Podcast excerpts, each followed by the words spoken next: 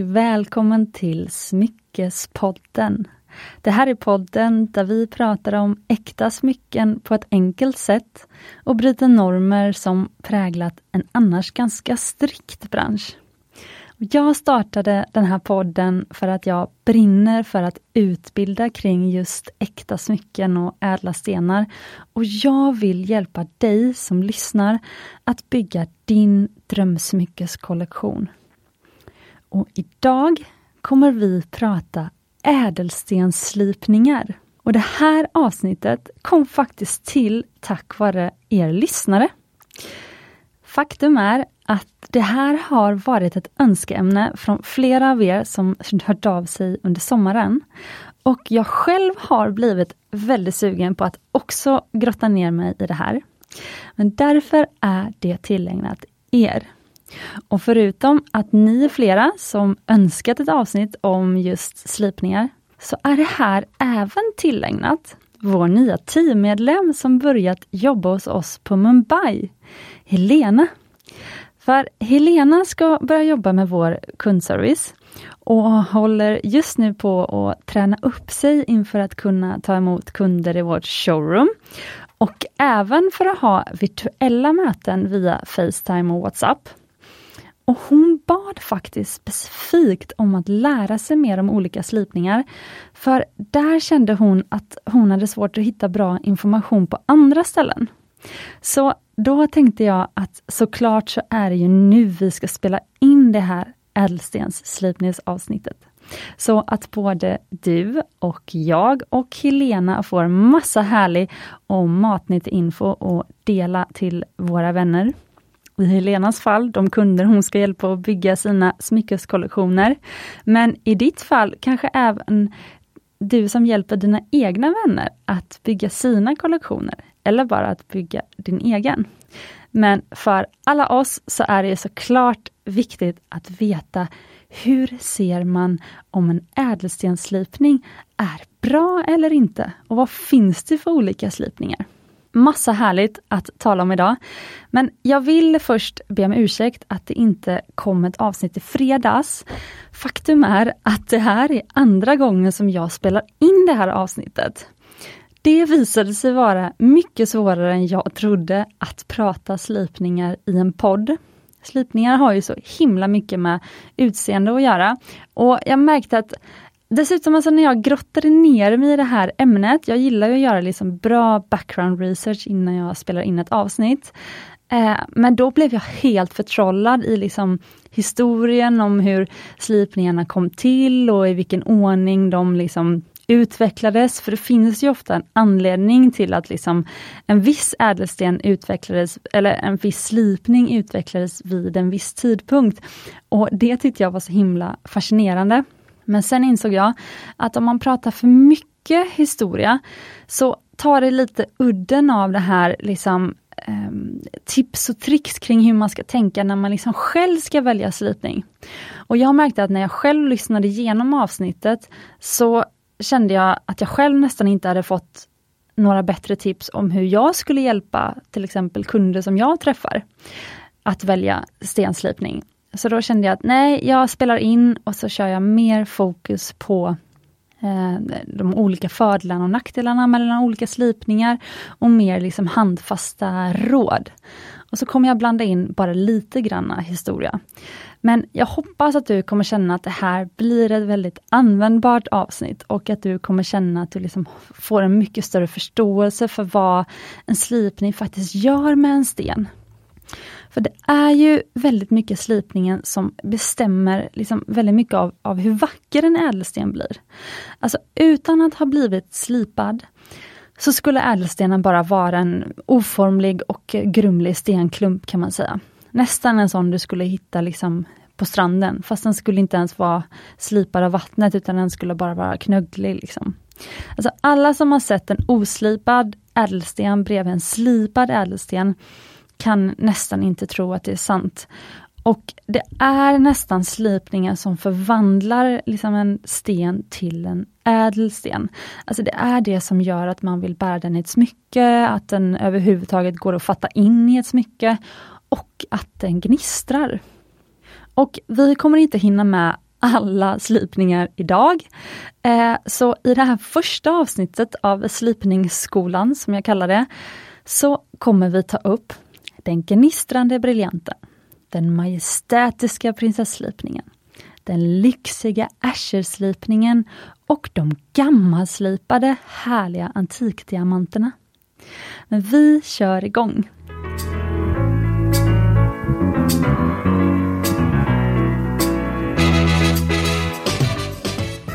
Och nu vill jag börja med att säga att i princip all ädelstenslipning har utvecklats till största del utifrån att man slipat diamanten. Alltså diamanten är den sten som är liksom högst upp på ädelstenstrappan. Den är supertålig och det är den som är allra, allra vanligast inom alla äkta smycken som görs och säljs i världen. Så det är den sten som ädelstensslipare allra oftast slipar. Faktum är att det är först på senare år vår ädelstensexpert Johannes brukar säga att det är ungefär sedan 80-talet som man har börjat ge de andra ädelstenarna lika mycket kärlek som man har gett diamanten. Och nu slipas faktiskt akvamariner och diamanter till exempel i samma slipningsateljéer. Men det gjorde man inte förut. Men jag tänkte att jag nämner de olika ädelstenarna som kan slipas i de här slipningarna som jag kommer prata om i det här avsnittet. Och jag tror att du kommer känna igen allihopa faktiskt. Alltså, det är de vanligaste slipstenarna som vi använder i smycken idag kan man säga. Det är diamanten, det är alla safirer, rubiner, smaragd, topas, morganit, akvamarin, alla turmaliner, spinell, citrin, heliodor, ametist, bergkristall, rosenkvarts och rökkvarts. Så det du kommer lära dig om slipningar idag, det gäller för alla de här härliga ädelstenarna. Och det är egentligen två saker som händer när man slipar en av de här ädelstenarna. Det första är att den såklart får en form, alltså stenen blir rund eller fyrkantig eller oval och så vidare. Men sen är det en sak och det är att alla runda stenar ser inte likadana ut. Alla fyrkantiga stenar ser inte likadana ut och så vidare. Utan det som skiljer olika stenslipningar åt är förutom formen också något som vi kan kalla för gnisterfaktorn. Alltså det andra som händer när man slipar en ädelsten, det är att den börjar reflektera ljus. Och det kan faktiskt skilja sig åt väldigt mycket mellan två till synes likadana stenar. Så det man gör är att man slipar fram små, små platta ytor på stenen som reflekterar ljus. Och det är det som gör att stenen gnistrar. Och Det är det här som gör att det finns så många olika sorters slipningar. Alltså annars hade det ju räckt med att det fanns en fyrkantig slipning, en rund slipning, en oval, en rektangulär och så vidare. Men nu finns det ju ganska många olika slipningar. Det finns flera olika fyrkantiga slipningar till exempel. För det beror på hur man vill ha sitt gnister. Alltså vill man ha en rund sten till exempel som har lite vintage sparkle, alltså lite så här dovt skimmer. Eller vill man ha en rund sten som verkligen så blingar maximalt. Och Då finns det nämligen två olika slags runda slipningar att välja på. Och det är det här, antagligen, som gör att man liksom ofta hittar sina favoritslipningar. Och matchar man det sen med sin favoritädelsten, det är ju då det kanske blir magi. Men idag tänkte jag helt enkelt att vi går igenom några av de vanligaste slipningarna och fördelarna och nackdelarna mellan de olika. Till exempel, vilken slipning ska man välja om man vill att sin sten ska se riktigt glamorös och dyr ut? Hint hint, Ashercut. Vilken slipning är den allra vanligaste i världen? Svaret kommer snart. Vilken slipning får alla ädelstenar att gnistra allra mest? Svaret kommer också snart. Vilken slipning är mest avslöjande mot skavanker i stenen? Och som man kanske ska undvika på stenar som kanske inte har allra högsta kvalitet? Svaren på de här frågorna kommer du ha alldeles strax. Och jag tänkte att vi börjar med den allra vanligaste och populäraste slipningen i världen.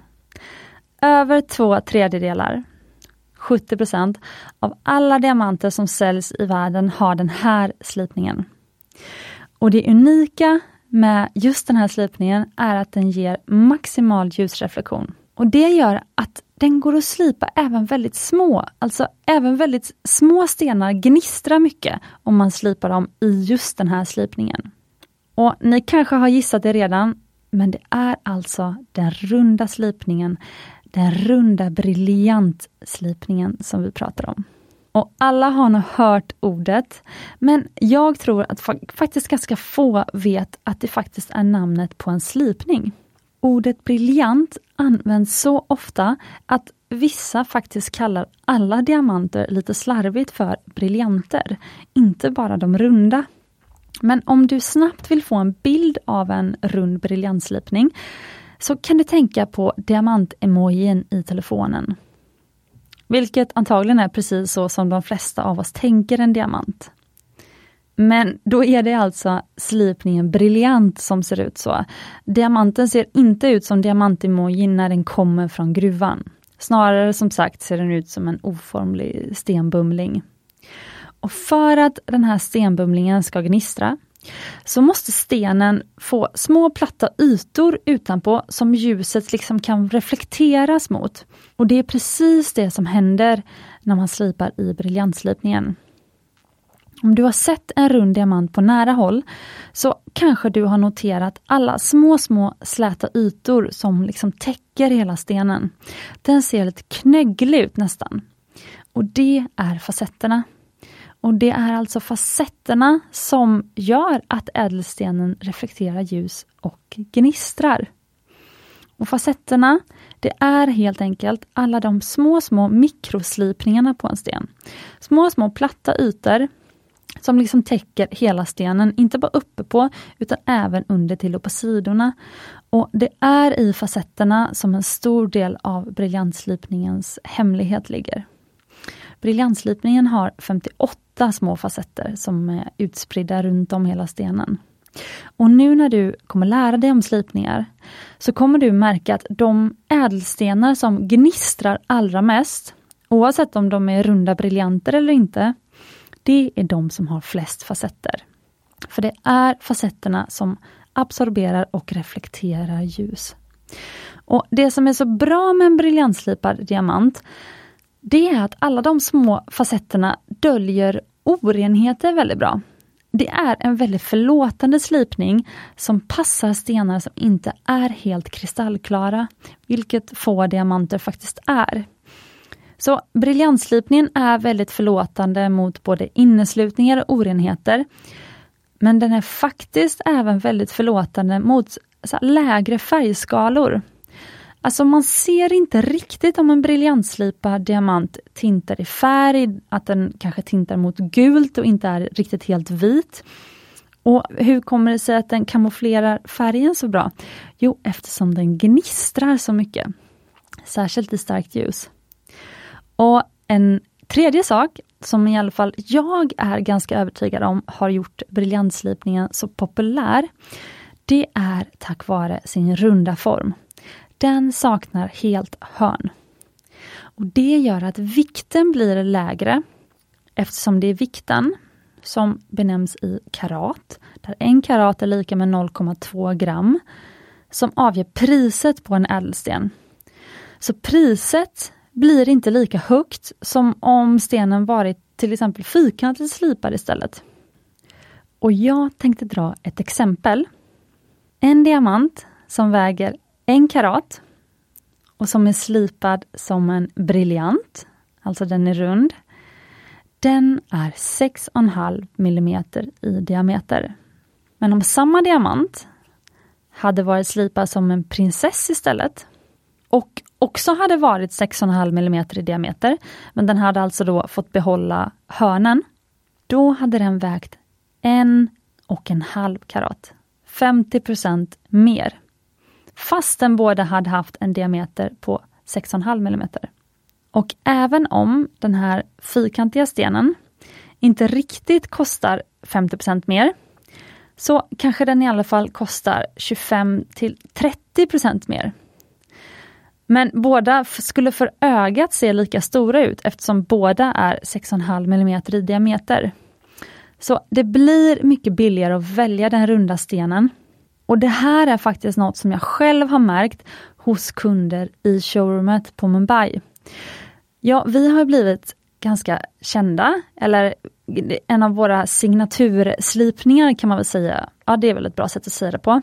Det är ju helt klart den runda briljanten. Jag tycker det är en supervacker slipning. Men framförallt så är det också den som våra kunder älskar. Och om en kund kommer in och får välja mellan en fyrkantig sten och en rund sten, då kanske vissa dras till den fyrkantiga. För fyrkantig sten är ju supervackert och det följer faktiskt även lite mer diamantens liksom naturliga utseende, alltså kristallen när den kommer från gruvan. Men sen så får de höra priset. Och det är väldigt svårt att motivera varför två stenar som liksom ser lika stora ut, för att diametern är ju samma. Och det här är väldigt tydligt när man liksom har två likadana stenar framför sig. Då blir det väldigt svårt att, liksom, för kunden själv att motivera varför ska jag lägga liksom, 30% mer, varför ska ska jag betala 10 000 kronor för en sten eller en ring med en sten som jag tycker ser likadan ut som en ring med en sten som är lika stor, fast rundslipad. Men varför kostar inte den fyrkantiga lika mycket per karat som den runda?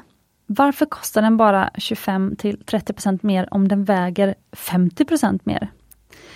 Det är helt enkelt för att den fyrkantiga slipningen har behållit mer av materialet och det är inte lika mycket spill i slipningsprocessen eftersom att den är mer lik, den fyrkantiga stenen är mer lik så som diamanten, eh, den form diamanten har när den kommer från gruvan. Så ofta så är faktiskt ungefär 80% av den råa stenen kvar när stenen är färdigslipad. Om den har slipats i en fyrkantig slipning. Vilket kan jämföras med att kanske hälften av den råa diamantkristallen försvinner när man slipar den till en rund sten. Och det här avspeglas alltså i priset, så det blir lite lägre pris per karat för den fyrkantiga stenen. Eller alla slipningar som inte har lika mycket spill som till exempel den runda briljantslipningen. Och Det här gör att vi får en ganska fin övergång till den näst populäraste slipningen i världen som är just den fyrkantiga diamanten. Och inte vilken fyrkantig som helst utan närmare bestämt den prinsesslipade diamanten. Eller Princess Cut. Och Det är alltså den slipning som är näst mest populär efter briljantslipningen. Och många tänker nog på den här klassiska Tiffany-solitären när man tänker Princess Cut. Många tycker att den fyrkantiga formen gör att stenen ser så här härlig, modern och classy ut. Och när man skapade prinsesslipningen, det här var i slutet av 70-talet, så det är faktiskt en väldigt ny slipning. Men då ville man att den skulle se mer majestätisk ut än den runda briljanten. Men man behöll en sak från briljanten när man tog fram prinsesslipningen. Och det var facetterna. Och det man gjorde var att behålla facettslipningen från briljanten. Alltså de här små, små ytorna som täcker hela stenen. Vilket gör att prinsessan har nästan samma den här optimala ljusreflektionen och sparkle. Så långt det går i alla fall utan att den är rund. Och Både briljanten och prinsessan har faktiskt samma antal facetter och de är då båda framtagna för att just gnistra så mycket som möjligt. Och därför så kallas faktiskt prinsesslipningen ibland till och med för a square modified brilliant cut. Och Även om det finns andra fyrkantiga stenar så är prinsessan den sten som reflekterar ljus allra bäst och gnistrar mest. man brukar säga att en riktigt välslipad rund briljant har förmågan att reflektera mer än 90% av ljuset som kommer emot den. Och Det är det här som ger det här fantastiska vita skimrande utseendet. Och Om du jämför det med en prinsessdiamant så har den förmågan att återge ungefär 70% av ljuset som kommer in. Och En prinsesslipad diamant är alltså mellan 25 till, eller, ja, 20 till 35% billigare per karat än en rund diamant. Men den är också mindre jämfört då med en rund diamant med samma karatvikt eftersom den har hörnen kvar. Så till exempel så kan du jämföra en 1 karat rund briljant med en 1 karat kvadratisk prinsesslipad diamant.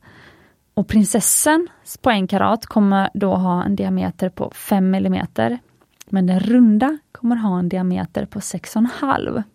Så den runda enkaratan kommer se mycket större ut än prinsessan. Och om du vill ha lite mer matnyttigt för att kunna välja mellan en rund briljant och en prinsess, så kommer här lite points. Så rund är ju mer poppis, prinsess lite, lite mer ovanlig. Och fyrkantig har ju ett lägre karatpris, för det blir inte lika mycket spill i slipningen. Men den ser fortfarande mindre ut per karat. Och min erfarenhet är faktiskt att det är svårt att sälja fyrkantiga stenar när kunden kan jämföra med en rund bredvid. Om inte kunden redan innan varit liksom beredd på det och verkligen vill ha en fyrkantig sten. Men för varje given karat så är prinsessan mycket mindre för ögat än briljanten. Eftersom ögat ser ju diametern och inte vikten. Så ha det i åtanke att om du har en budget så får du en mycket mindre sten för pengarna om du väljer en fyrkantig än en rund. Den ser i alla fall mycket mindre ut. Och båda slipningarna är optimala för diamanter som inte nödvändigtvis har högsta kvalitet. För båda de här slipningarna är väldigt bra på att gömma inneslutningar och orenheter. Och faktiskt även en viss missfärgning. Så de gnistrar så mycket att man inte nödvändigtvis ser om de inte är helt vita och kanske tintar åt något håll. Som, som att den tintar åt gud till exempel. Men med det här sagt så har ju många en preferens. Alltså antingen gillar man det ena eller det andra. Så jag tycker helt enkelt att välj vilken form du gillar bäst, rund eller fyrkantig. Och vill du ha optimalt med sparkle och bling så är både briljanten och prinsessan två fantastiska slipningar. Men när vill man inte ha största möjliga gnisterfaktor? Alltså, finns det någon anledning till att inte välja någon av de två mest populära slipningarna? Briljanten eller prinsessan? Alltså vill man verkligen alltid ha så mycket gnister och briljans som möjligt? Och om man inte vill det, vad finns det då för slipningar att välja på? Och det här tycker jag är spännande. Det kan såklart finnas massa anledningar till att man inte vill ha så mycket bling och sparkle. Och bland de runda slipningarna så finns det faktiskt en slipning som kom innan briljantslipningen, som också är rund. Briljantslipningen, som den ser ut idag, sådär perfekt och symmetrisk, den kom faktiskt till samma år som kvinnor fick rösträtt i Sverige, 1919. Men den skapades i Belgien av en 23-årig matematiker och ingenjör. Han hette Marcel Tolkowski. Det finns faktiskt fortfarande ett diamantföretag kvar i hans namn. Han föddes in i en familj av diamantslipare. Och 1919, när han som sagt var 23 år, då släppte han en avhandling som hade titeln Diamond Design. Och I den så beskrev han hur den optimala diamantslipningen skulle se ut den som reflekterade mest ljus av alla slipningar. Och eftersom det kallas för just brilliance på engelska, så fick den helt enkelt namnet briljantslipningen. Och Tolkovsky, han angav inte bara exakt hur de här små facetterna skulle sitta på hela ytan, utan han angav även de exakta vinklarna stenen skulle ha för att liksom ljuset skulle brytas optimalt. Och Det är därför som man än idag, när man ser ett diamantcertifikat, så får man faktiskt se vinklarna på till exempel hur spetsig just den här briljanten är under till. Alltså för det har också att göra med hur den absorberar ljus och hur mycket den gnistrar. Så då kan man läsa i certifikatet om den har till exempel poor eller excellent slipning beroende både på hur facetterna sitter och hur liksom, vinklarna är, hur symmetrisk den är. Och såklart så var det inte så konstigt att den här slipningen sen blev allra mest populär och har faktiskt varit det de senaste hundra åren och fram till idag. Men det finns som sagt en annan rund diamantslipning som inte gnistrar lika mycket och den kom innan det här. Och passande nog så kallades den för Old European Cut. Den kallas fort, fortfarande det för övrigt. Och på svenska så kan man säga bara gammalslipad rund diamant. Och de slipades för hand med syftet att stenen skulle reflektera så mycket ljus som möjligt fast av det ljus som fanns tillgängligt då, vilket var stearinljus. Och Det här var i slutet av 1800-talet, början på 1900-talet. Och Faktum är att man helt slutade slipa Old European Cut, eller gammalslipad diamant, rund diamant, på 1940-talet. Och Efter det här har alla runda diamanter i princip blivit slipade i den moderna briljantslipningen. Det var ju också någonstans här efter andra världskriget som diamantboomen spred sig och diamanten blev så superkänd som förlovningsring. Men det betyder att nästan alla av de gammalslipade runda diamanterna som man hittar idag faktiskt är antika. De slipades innan 1940 och har ofta suttit i gamla smycken tidigare. Och Anledningen till att man inte slipar några stenar i den slipningen idag Alltså att man, man skulle kunna slip, liksom fortsätta slipa Old European Cut idag. Men det är helt enkelt för, för att det inte är lönsamt. Alltså det är mycket bättre att laserslipa och precisionsslipa perfekta moderna briljanter som man lämnar in till GIA och får certifierade och sen säljer. Alltså då kan de säljas mycket dyrare. Och det är till och med så att vissa av de gamla antika diamanterna har slipats om i moderna sliperier till moderna briljanter. Men nu har man faktiskt börjat inse värdet i de antika stenarna och det verkar som att man låter dem vara i större utsträckning. Så vi får hoppas på det. Men jag tycker att du ska välja en gammal slipad rund diamant hellre än den här moderna briljanten. Om du vill ha till exempel en diamant med en historia, eller vill ha en diamant som har liksom den här egna unika charmen som ingen annan har. Jag brukar säga att du ska ta med det femte C som är charm i beräkningen. Alltså ofta så är de liksom nötta i kanten, de är ofta ojämna eftersom det fortfarande till stor del var liksom ett handarbete när man slipade de här. Och Dessutom så är ofta själva liksom stenen mer gul i tonen än de moderna briljanterna som ska vara så vita som möjligt. Men det är ju det som vi som gillar antika diamanter verkligen älskar, just att de har den här skärmen. Och traditionellt sett så utvärderar man ju diamanter enligt de fyra scenerna som är Carrot Cut, alltså slipning som vi pratar om idag, Color som är färgen, hur vit den är och um, Clarity det är ju eh, klarheten. Och det var klarheten då som inte riktigt behövde vara helt eh, perfekt i de här prinsesslipade eller briljantslipade diamanterna för övrigt. Men tillbaka till eh, de här gammalslipade diamanterna. Alltså ett tips när du väljer antik diamant, så försök att se stenen i så många olika ljus som möjligt. Alltså, ha gärna en lös sten som är oinfattad eller i och för sig redan fattad i ett smycke men att du då gärna liksom ser smycket antingen på video eller live och så ser du liksom hur den skimrar. Alltså den kommer antagligen inte ha samma omedelbara sparker som en liksom modern briljantslipad diamant. Och det finns ju inte något eh, diamantgraderingsinstitut likt GIA, GIA som tagit fram en egen skala för att utvärdera antikdiamanter, så man utvärderar dem enligt liksom samma skala på de fyra scenerna som man gör med moderna briljanter.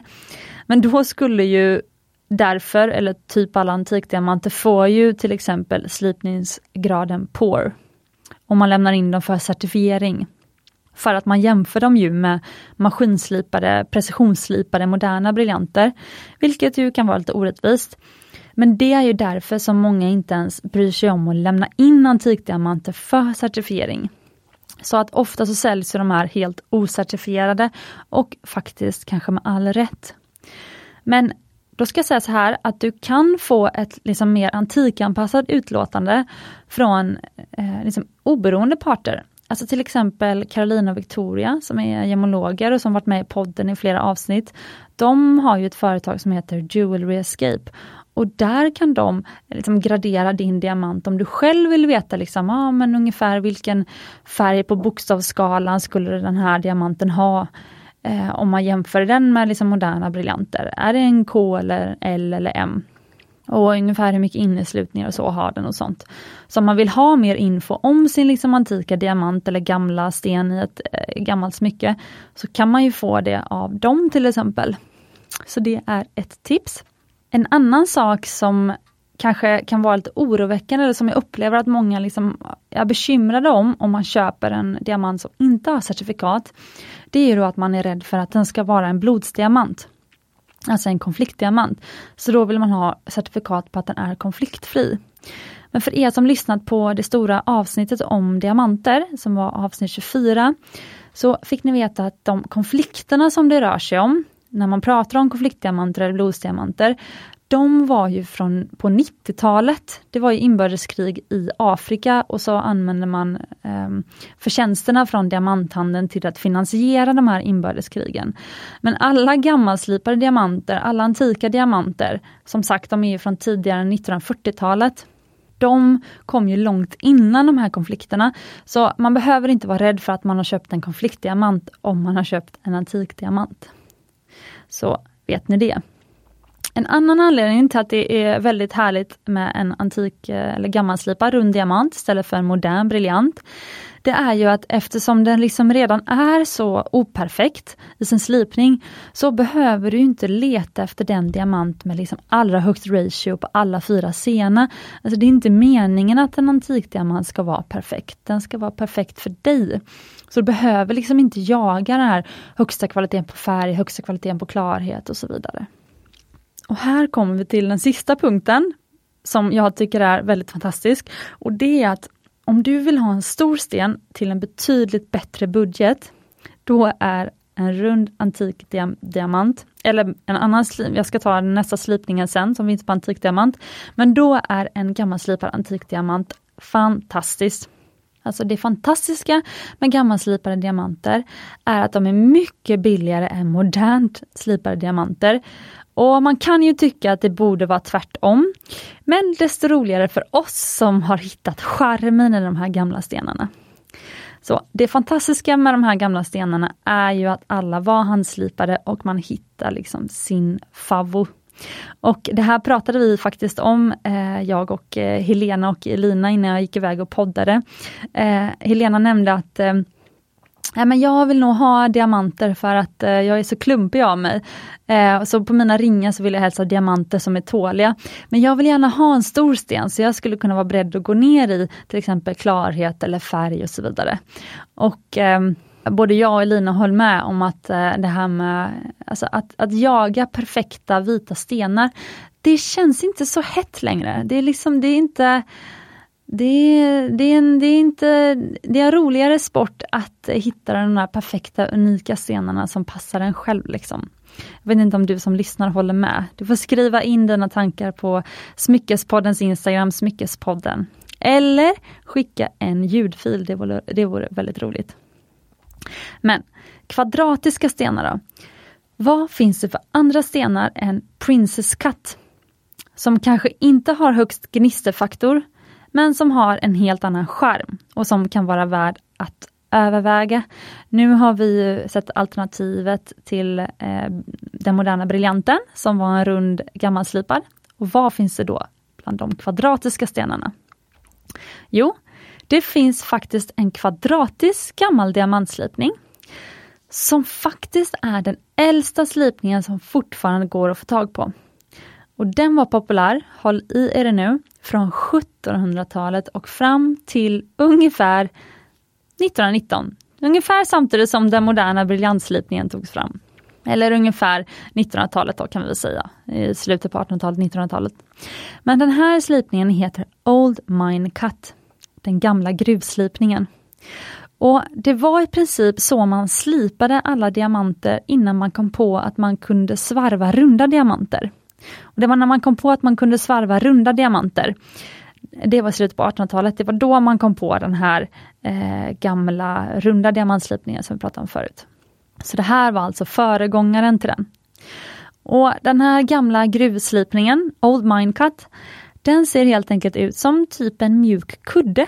Den har lätt eh, välvda sidor, den har inte så knivskarpa hörn som prinsessan har, utan den har liksom rundade och lite trubbiga hörn.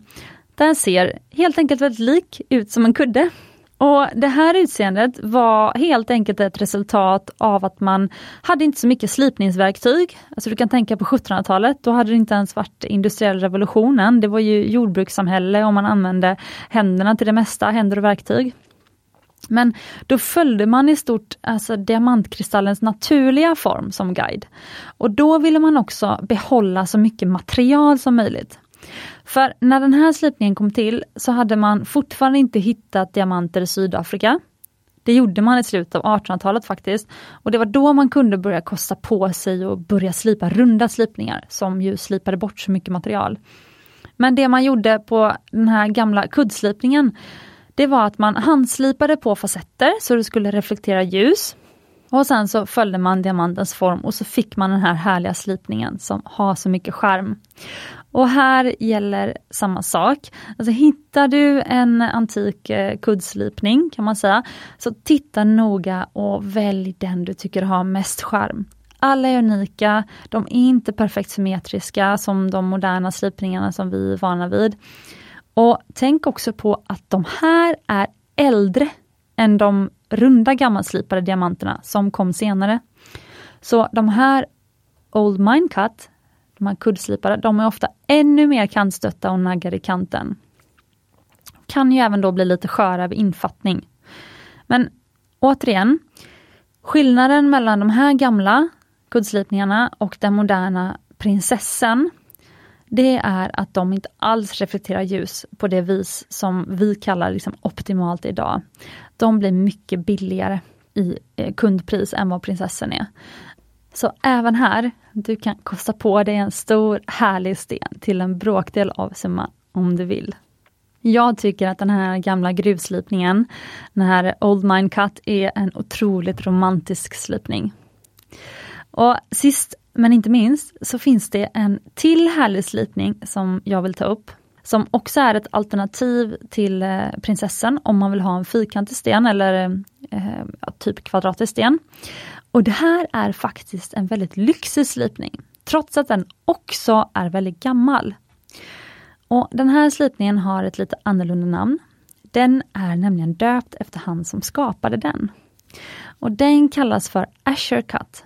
Och Den skapades i Amsterdam 1902. Så också en urgammal slipning. Och Även den skapades då innan man kommit på den här briljantslipningen med det optimala sparklet. Kanske därför som de här eh, lite annorlunda slipningarna ofta är så gamla för att liksom efter att den här perfekta briljanten koms på liksom 1919, då ville man liksom bara fortsätta optimera liksom sparklet de liksom åren som gått sedan dess, de senaste hundra åren. Men den här Usher Cut hade liksom börjat ta de här verktygen till hjälp som kom under industriella revolutionen precis vid den här tiden. Så den här är mycket jämnare och mer symmetrisk slipningen jämfört med den här eh, gamla gruvslipningen eller den här gamla kuddslipningen. Och den här slipningen är tydligt inspirerad av art deco-eran. Och den blev också väldigt populär på 1920-talet. Men den har liksom raka geometriska former, man, liksom, man kan nästan se att den flörtar mot inredning som liksom var poppis då på, liksom, under art deco-eran. Men faktum är att när den här Asher Cut är infattad i ett smycke så är den väldigt lik en modern prinsesslipad diamant. Alltså när den är infattad i ett smycke så ser båda väldigt jämna och kvadratiska ut. Men skillnaden är att Asher-slipningen har väldigt eleganta, liksom långsmala, rektangulära facetter. Alltså man kallar det för att facetterna, de här platta ytorna på stenen, de är stegslipade kallas det. Istället för de här superblinga små briljantfacetterna som prinsessan då har. Och De här avlånga platta ytorna på stenen, de gör faktiskt att man ser igenom stenen bättre. Och Det gör att Azure kräver en högre kvalitet på sten för att vara snygg, anses det. Eftersom inneslutningar i stenen syns bättre när liksom ytan inte är täckt av briljantfacetter. Så man knappt kan se igenom den för det gnisslar så mycket. Så på det här viset så är ju Azure faktiskt en lyxigare slipning än prinsessan. Och eftersom Azure inte då är briljantslipad så reflekterar den inte ljus på samma sätt och den blir inte lika förlåtande som prinsessan på andra sätt heller. Alltså om färgen inte är helt vit på din sten och du slipar den i asherslipning, de här steg, eh, liksom kvadratisk fast liksom stegslipar uppe på istället för briljantslipar uppe på då syns det bättre att den inte är helt vit, än om du hade liksom döljt den här färgen med liksom en gnistrande liksom prinsesslipning som har massa briljant, briljant eh, facetter uppe på. Så Asher kräver även en högre färgkvalitet än vad prinsessan anses göra. Men det magiska med en Asher slipning är ju kanske det här. Alltså man säger att skimret i en Asherslipad diamant ser ut som en spegelkorridor som aldrig tar slut. Då kan du då se de här avlånga liksom, facetterna. Man drunknar i en Asherslipning, säger man. Och Jag har ju hintat lite redan, men när ska man välja en Asher versus en prinsess då? Alltså det är väldigt svårt för en smyckesnovis att se skillnaden på en prinsessten och en asher. Eftersom när de infattar i till exempel en ring, eller en halskedja eller örhängen så ser båda fyrkantiga ut. När de är lösa kan jag säga, så är det lättare att se skillnad för att asher är faktiskt i själva verket åttkantig. Alltså den har liksom lätt lätt avkapade hörn. De här liksom fyra hörnen är liksom lätt avkapade som de har fått liksom eh, åtta kanter istället. Men hörnen täcks ju av, eller kanterna då, de här fyra hörnen om man tänker, de täcks ju av klor när de är infattade i en fattning, oavsett om det är vilket smycke det än är. Så när den är infattad så kommer den ändå se fyrkantig ut, det kan vara bra att veta. Men om du tittar noga, du som nu inte är en smyckesnovis längre, så kommer du se att Asher har mer subtilt så vintageaktigt glow. Och det kanske inte är så konstigt eftersom den slipningen är ungefär 70 år äldre än prinsesslipningen.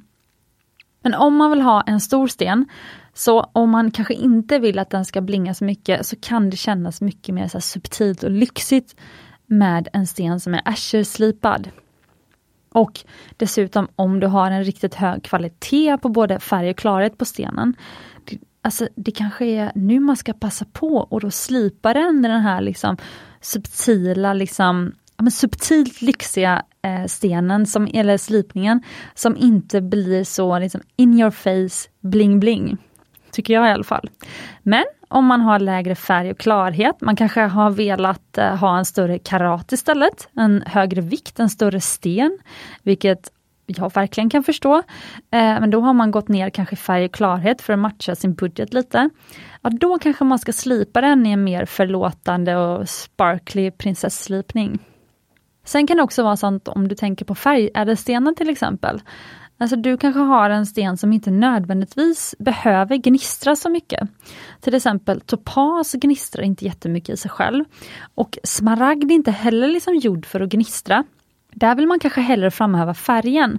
Och då kan du välja asherslipning istället för eh, prinsesslipning.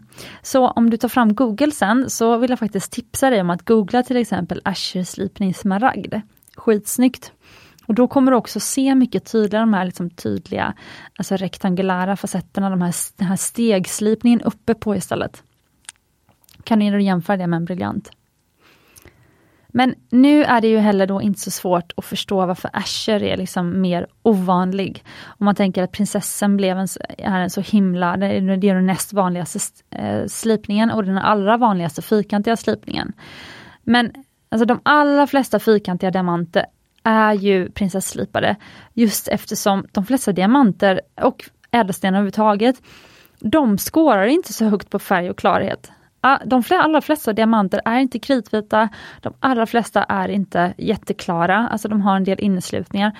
Och då eh, blir det naturligt att man väljer att slipa den i till exempel prinsesslipningen som mer tar hänsyn till de faktorerna.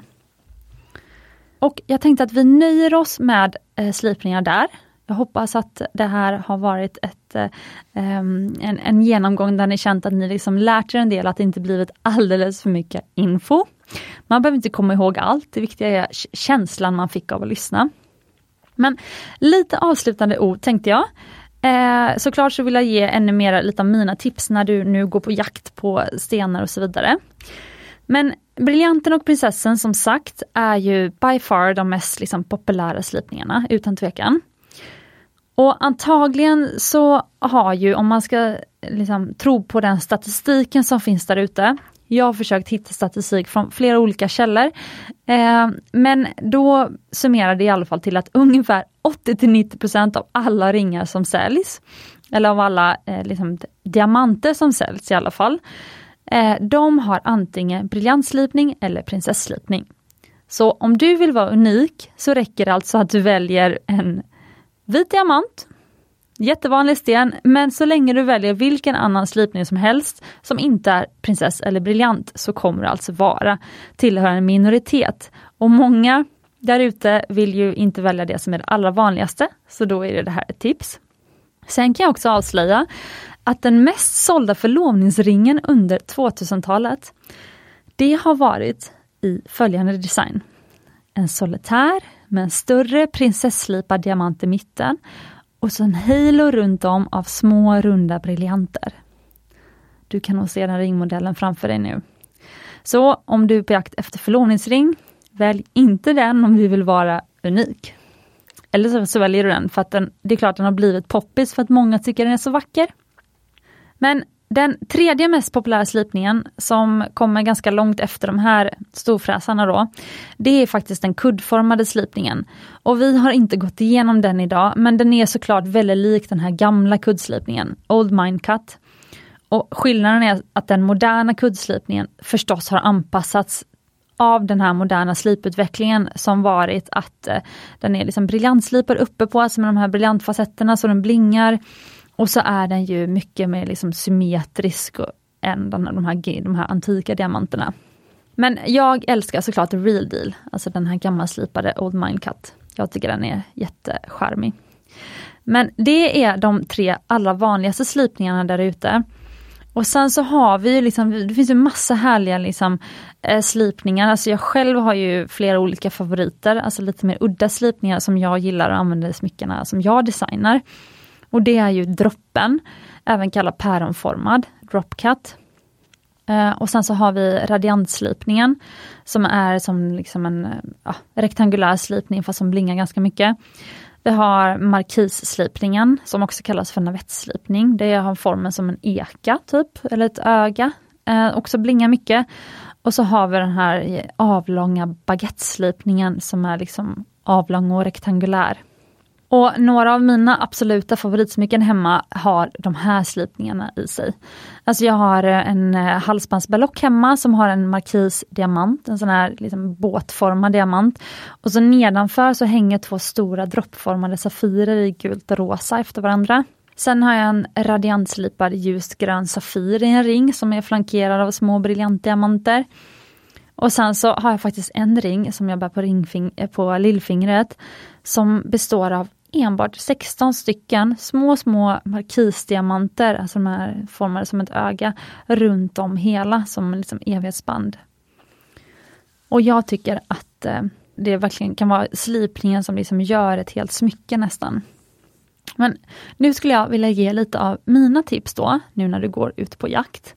Och som vanligt så är ju det bästa sättet att veta vad som kommer att bli dina nya favoritslipningar Alltså det börjar med att se så många olika ädelstenar som möjligt.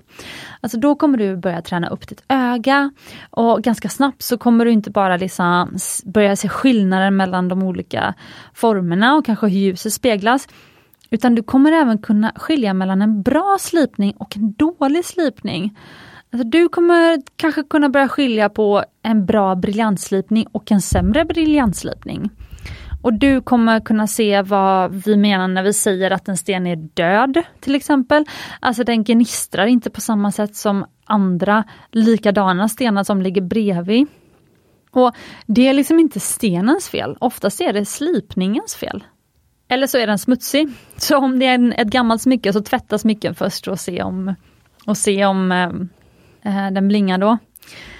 Men eh, sen som alltid, så gå på det du själv känner. Alltså vi, precis som att vi alla har olika favoritfärger och det är olika stil på våra pinnade drömsoffor på Pinterest. Jag antar att din drömsoffa som du pinnat inte är samma som jag har pinnat. Men så har vi också våra egna favoritslipningar. Så googla upp de slipningar som du blivit nyfiken på nu när du lyssnat och eh, känn efter vad som passar för dig. Och sen så en annan sak är att vi tenderar att förväxla alltså mer sparkle med att en sten är större. Alltså ju mer en sten gnistrar, ju mer den briljerar, desto större tycker vi ofta att den är. Så då kan man också skapa en illusion av en större sten genom att till exempel göra en halo av briljanter runt om en mindre sten. Och Det här tricket används väldigt ofta i förlovnings och vigselringar. Och Det är betydligt billigare att göra en halo av små briljanter runt en mindre diamant till exempel, än att köpa en enda stor diamant utan halo. Så nu när du lärt dig om slipningar och så, så kan du även liksom tänka lite mer kring liksom faktiskt smyckesdesign. Alltså om du kärar ner dig i en eh, rosa sten säger vi, men den är slipad i en slipning som inte blingar så mycket. Då kan du lägga till blingande stenar, till exempel vita briljantdiamanter. Runt om den här stenen så kommer liksom hela smycket plötsligt gnistra samtidigt som att du också får användning av din liksom härliga rosa sten i den färgen som du blev kär i. Så du behöver liksom inte alltid hitta liksom, eh, eh liksom optimera allt i en enda sten, utan du kan liksom bygga på med andra ädelstenar runt om och liksom skapa ditt drömsmycke. Sen så kan man ju också eh, tänka på att det ofta finns en anledning till att man har en dragning till en viss form på en ädelsten. Alltså inredningsdesignnördar har ju ofta en dragning till de kantiga formerna, alltså de fyrkantiga stenarna, för det påminner mer om inredning och eh, jag kan gissa att om du gillar inredning så kommer du säkert gilla den här liksom Asher Cut till exempel. Och om man gillar liksom mer fluff och runda former så kanske man gillar de här mjuka rundare slipningarna mer som som briljantslipningen till exempel. Eller markisslipningen eller ovalen som vi inte pratar om än riktigt idag. Sen så har jag ett till tips på temat det här med att leka med färger och slipningar ihop.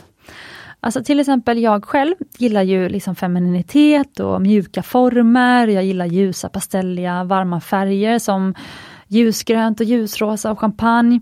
Och en av mina favoritringar är en ring med en mintgrön jättevacker Safir som är slipad i en så avlång och kantig radiantslipning.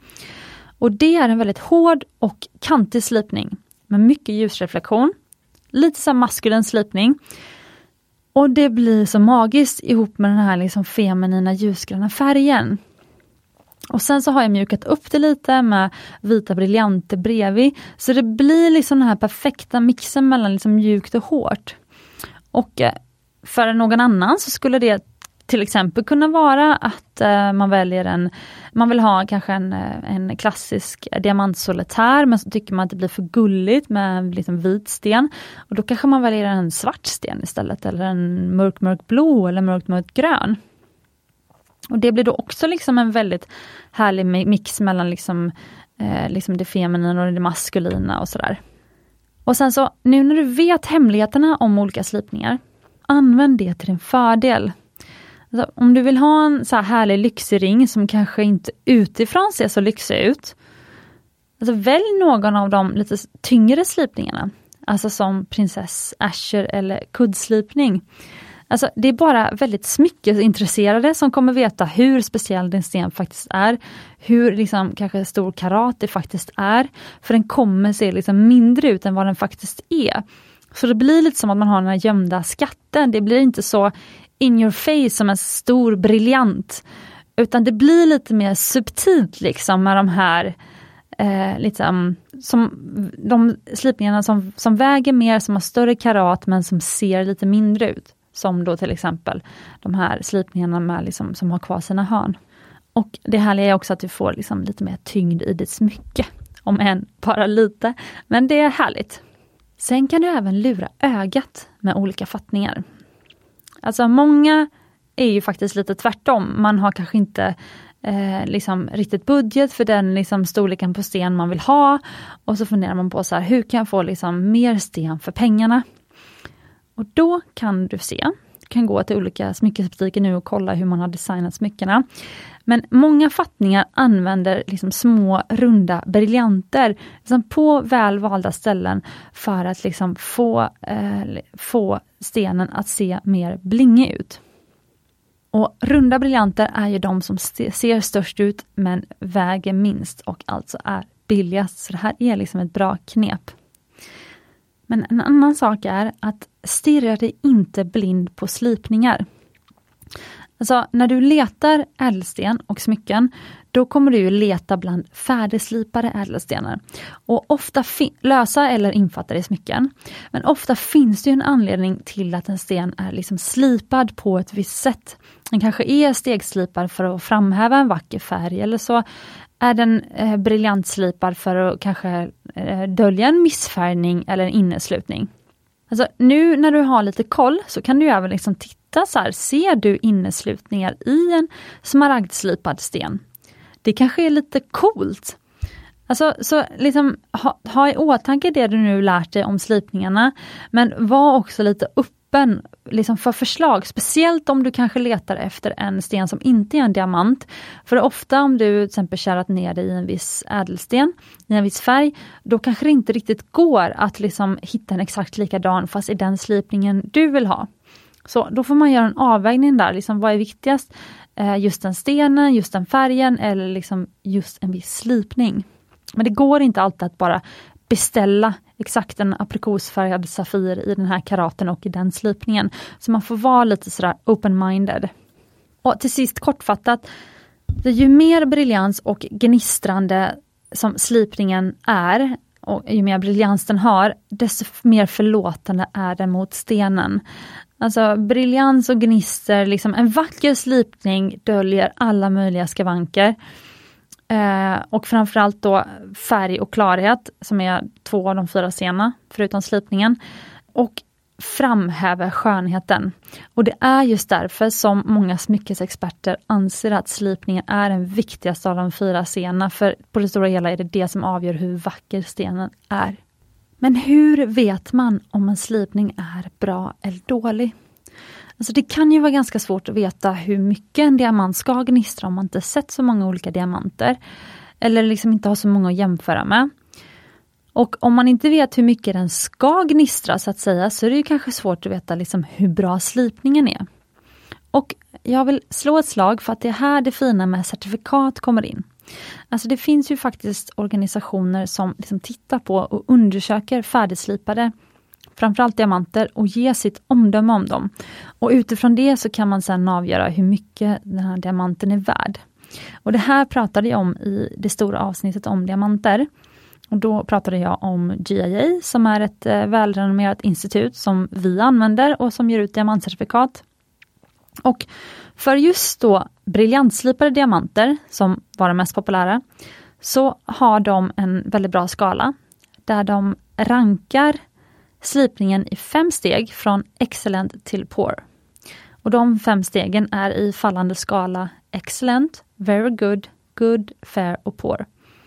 Så mitt bästa tips här är Köp inte en modernt slipad briljant utan ett certifikat från GIA eller annat eh, liksom bra graderingsinstitut och Speciellt inte en som redan sitter i ett smycke, för då har du ingen chans att liksom få se hela stenen.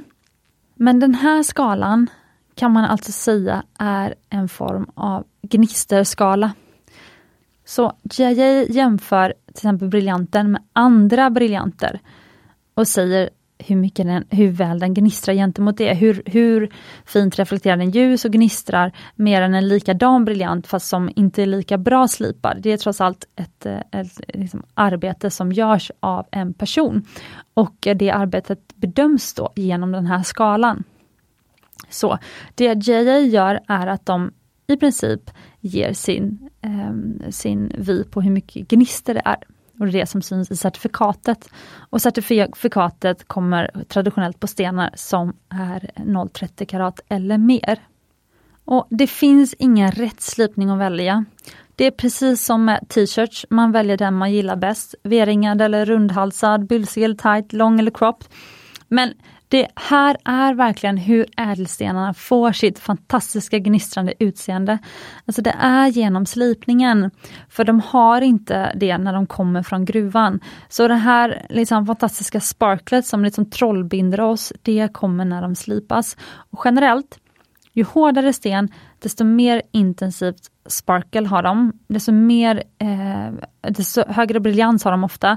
Och faktum är att desto längre tid så håller de sitt gnister.